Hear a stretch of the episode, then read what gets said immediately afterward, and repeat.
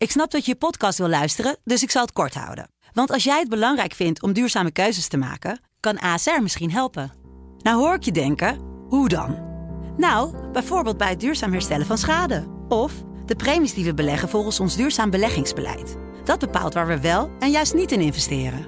Wil je meer weten over welke duurzame keuzes ASR maakt? Ga dan naar asr.nl/slash duurzame keuzes. ASR doet het. Zo, dan kan je nu lekker naar je podcast luisteren.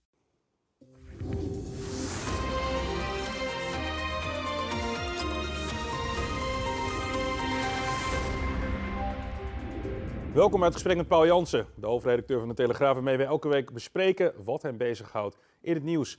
Paul, welkom. Dankjewel. Uh, ja, de verkiezingen komen eraan en de Telegraaf heeft sinds 2006 de traditie dat lijsttrekkers een dag of een moment hoofdredacteur zijn. Hoe, hoe, hoe is die traditie ooit ontstaan? Ja, het gaat om uh, een gasthoofdredacteurschap. In 2006 uh, bedacht door een creatieveling in dit mediabedrijf, Axel Vogel. En uh, ik, ik, was toen chef van de politieke redactie en ik herinner me dat uh, Kees Lunshoff, de vermaarde adjunct hoofdredacteur destijds, uh, tegen me zei... Ja, Legendarische. Ja, ja ik, ik, ik heb, ik, die zei, ik heb een beetje een gek idee, zeg niet meteen nee. En die begon te vertellen van wat nou als. En je moet je voorstellen, in 2006, nu zie je veel vaker dat, dat politici optreden in een, in, een, in een iets andere hoedanigheid dan lijsttrekker, maar gasthoofdredacteur zijn of... En je ziet het in, in allerlei vormen. Maar toen was dat echt wel een, een betrekkelijk nieuw fenomeen. En ook voor ons als Telegraaf de, de gedachte dat je een, een, paar pagina's aan een partij geeft en aan een lijsttrekker zegt: ja, jij bent de gasthoofdredacteur en binnen de kaders van de Telegraaf vul het maar in zoals jij denkt dat je een krant zou maken. Uh, dat, was, dat was toen. Uh, nieuw en ook niet zonder risico natuurlijk. Want je, ja, je zit wel te kijken van ja, hoe gaan die partijen dat invullen. Maar het is altijd uh, met een knipoog op een speelse manier. Hè. Je ziet ook dat partijen gretig gebruik maken van telegraafrubrieken. of dat nou het Stan Journaal is of, of de privé. Of of onze lezersrubriek. beelden van hoe dat eraan toe ging. Ja, Jules Paradijs ja, nog. Voorganger Jules. En dit is zo te zien in 2012. toen we het inmiddels met vijf partijen die, die, die kranten maakten. Samsung zien we nog. Ja, ja, en uh, nou, het is, het is elk jaar of elke keer is het, uh, is het echt een happening uh, geweest. En ook omdat die lijsttrekkers samenkwamen op, op de werkvloer, werd dat ook een media-event op zich. Er kwam weer andere pers op af. Ja. Want je moet je voorstellen, lijsttrekkers. Bij, bij verkiezingen zit altijd een heel strak geregisseerde rol. Hè? Dus, dus je hebt die tv-debatten en dat zijn allemaal formats en er hangen spindoktoren omheen. Uh, dus het is allemaal heel strak geregisseerd. En zo'n event als bij de Telegraaf, dat is, dat is ja, deels informeel. Ja, dit is 2017. En, uh, dit is, dit, ja, dit is, dit is de, de editie van 2017. En dat geeft een hele andere dynamiek. En je ziet ook dat ze dan een beetje naar elkaar toe af en toe wat, wat, wat plaagstootjes uitdelen. Maar het heeft wel een serieuze ondertoon. Want wij, wij doen dit elke keer weer, omdat wij het, het, toch belangrijk vinden dat, dat de Telegraaf als massakrant uh, ja, voor een breed publiek, want onze lezers hebben, hebben hele diverse uh, politieke voorkeuren, kan ja. ik je vertellen, uh, op, op een speelse manier hun te informeren over ja, wat, waar staan partijen nou precies voor. Uh, en tegelijkertijd uh, dat, dat uh, ja, op, op, op zijn telegraafs een beetje te doen. En je moet je voorstellen in 2006, hè, toen, toen, toen ik was naar het, de... het was Bos Balkenende die tijd?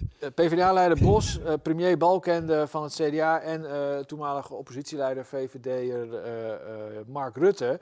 Maar ik, ik ging toen naar de PvdA-afdeling in de Tweede Kamer. En, en zei dus van tegen de de, de mensen daarvan, uh, goh, we hebben iets nieuws. Wat nou als we jullie een paar pagina's in de Telegraaf uh, geven? Nou, ze dachten echt dat ik een, een, een, grap maakte. En aanvankelijk was er ook veel koud watervrees bij, bij die partijen. Omdat nou, Telegraaf en PvdA zijn nou niet de meest, staan niet het meest dicht bij elkaar, zal ik nee. maar, maar zeggen.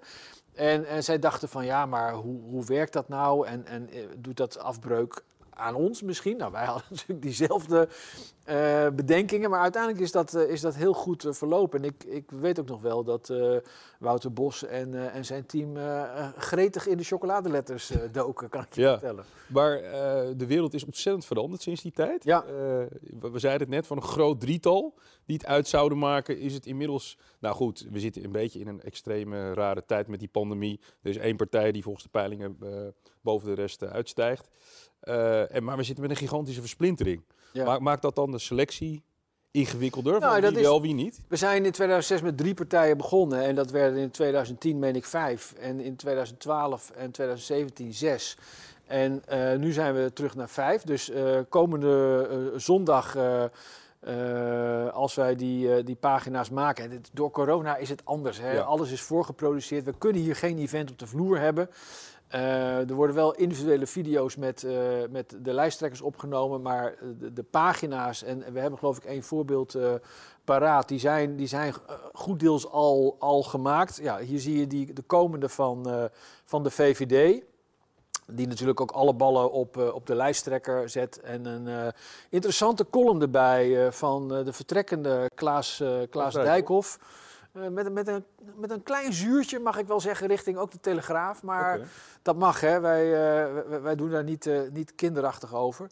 Ehm, maar dit jaar is het dus in ieder geval anders dan voorheen. Soberder. En wij, kijk, wij, wij kijken elke keer kijken we natuurlijk wel van ja, welke partij zullen we uitnodigen. We kijken dan naar de peilingen. de, de partij die, die deze keer afvalt is de SP. Die was in de, in peilingen te klein. En ik zeg je heel eerlijk, uh, de GroenLinks stond in de peilingen iets hoger. En uh, wij willen al heel graag, al langer, uh, Jesse Klaver in onze kolommen. Maar dan wel met een vlijmscherp interview om te beginnen met onze politieke redactie. Maar hij duikt al jaren. Ja. dat mag, hè? het staat hem vrij. Maar we hebben dus toen wel besloten van nou, dan houden we dit jaar even op vijf. Ik kan me herinneren dat er een keer een beetje gedoe was over, over, over Wilders. Een beetje. Een beetje gedoe. ik uh, denk het heel rustig. Eufemistisch gedaan. Het, ja. uh, het ging over dat hij een, een cartoon wilde hebben van de profeet Mohammed. Uh, je zou zeggen gast hoofdredacteurschap. De stage is yours. Maar ja. dan moet je dan toch de, de, andere hoofdredacteur moet dan wel uiteindelijk ingrijpen. Ja, ik was toen uh, nog de chef politieke redactie, dus ik zag alles langskomen en ik denk, oh jee, uh, dit gaat gedoe geven. Het was een tekening van Nekschot. Ehm, en die cartoonist en, en nou ja, zoals je zei, een, een tekening van, van, uh, van Mohammed, destijds zeer beladen. Kijk, en, en wij hebben als, uh, als krant natuurlijk al, uiteindelijk wel een eindverantwoordelijkheid. Een gasthoofdredacteur valt uiteindelijk ook nog onder de paraplu van. Ja. Uh, krijgt heel veel ruimte, maar er zijn wel grenzen. En op dat moment is, is, is besloten, terecht, door de hoofdredactie, dat we zeggen, joh ehm, dit is niet het moment of het podium om zo'n statement te maken. Wij kunnen als krant best bepaal, beslissen dat we zo'n statement willen maken. Door zo'n cartoon neer te zetten. Maar dat doen we dan echt in onze eigen kolom. En we gaan niet in het kader van een ludiek bedoelde verkiezingskrant. Uh, zo'n omstreden cartoon uh, afdrukken. En ik, ik uh, dat besluit van mijn voorganger, daar was ik het mee eens. dat zou ik zo weer doen. Dus ja. ik denk dat dat terecht was. Maar goed, Wilders ging daar natuurlijk wel vervolgens een, uh, een, slaatje uitslaan. Ja, die ging, ging vol op het orgel. Ik vol op het oor gaan zeggen dat de Telegraaf hem censureerde. Ja. Nou, dat vonden wij dan uh, iets minder chic. Maar ja, dat hoort er dan bij. We kennen uh, de heer Wilders ook al langer dan vandaag.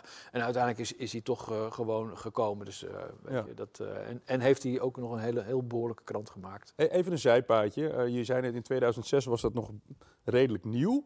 Nu zie je dat gast, hoofdredacteurschap en gastpresentaties normaal zijn. En dat leidde bij, leidde bij WNL afgelopen week, hier zien we de beelden. We hebben het even zonder geluid. Uh, Thierry, Baudet, Thierry Baudet zei iets over, die moest het NOS-journaal aankondigen. En die had het over het fake nieuws, fake journaal, woorden van gelijke strekking.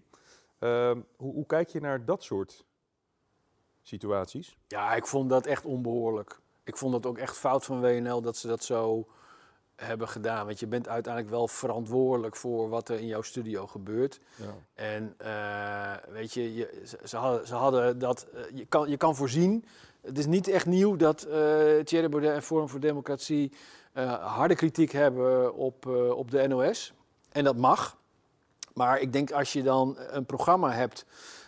wat wordt onderbroken, hè, want dat programma wordt onderbroken door nieuwsbulletins van de NOS. Ja Ja, dan moet je daar natuurlijk op anticiperen. En dan moet je dat niet op, op zo'n manier doen en dan achteraf je eh, handen te hemel heffen en zo van, oh ja, wij zijn ook eh, geschrokken en we betreuren het. Ik, nee, dat vond ik, ik vond dat niet goed en ik vond ook dat, dat eh, Baudet dat, ja, ik vond het een beetje goedkoop van hem. Dus ik was het wel eens met de hoofdacteur van de NOS.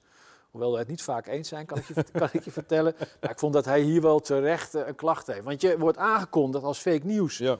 Die camera draait eh, en er zit een, een presentator in de lens te staan en die kan niks zeggen. Nee, nee. Dus nee, dat was, eh, dat was niet goed. Ehm, afrondend. Even de frequentie van eh, wanneer komen de voorpagina's uit? Wij gaan zondag gaan we de, de laatste hand eraan leggen. Want het zijn, elke partij krijgt dus drie pagina's. En het gaat dus om de VVD, ditmaal PVV, CDA, PvdA en D66. Daarnaast komen er zondag online al eh, videogesprekken, één op één, met, met die eh, vijf lijsttrekkers. En eh, online is er dus veel te doen zondag bij ons. Ja. Er komt een video, The Making Of, waar alles wordt samengevat. En dan maandag in print het, het product. Met, ik heb echt weer hele goede onderwerpen gezien, leuke rubrieken. Lichtvoetig met, eh, met, met wat serieuzer. En dat is precies ook hoe het hoort. Hè. Telegraaf is ook altijd de krant geweest van het zware en het lichte nieuws. Ja. En, en een lach en een traan. En ik denk dat de partijen daarin zijn geslaagd om, eh, om dat gevoel goed te vertalen. In een tijd waarin de politiek al zwaar genoeg is. Want laten we wel wezen, in de coronacrisis is natuurlijk ernstig. Dus veel aan de hand. Eh, de, de vooruitzichten zijn ook niet heel erg gunstig. Maar ik denk dat dit weer een, eh, een, eh, een mooi moment is om ook richting de verkiezingen van 17 maart de lezer op een inhoudelijk goede, maar tegelijkertijd ook prettige manier te informeren. Dankjewel. Graag gedaan.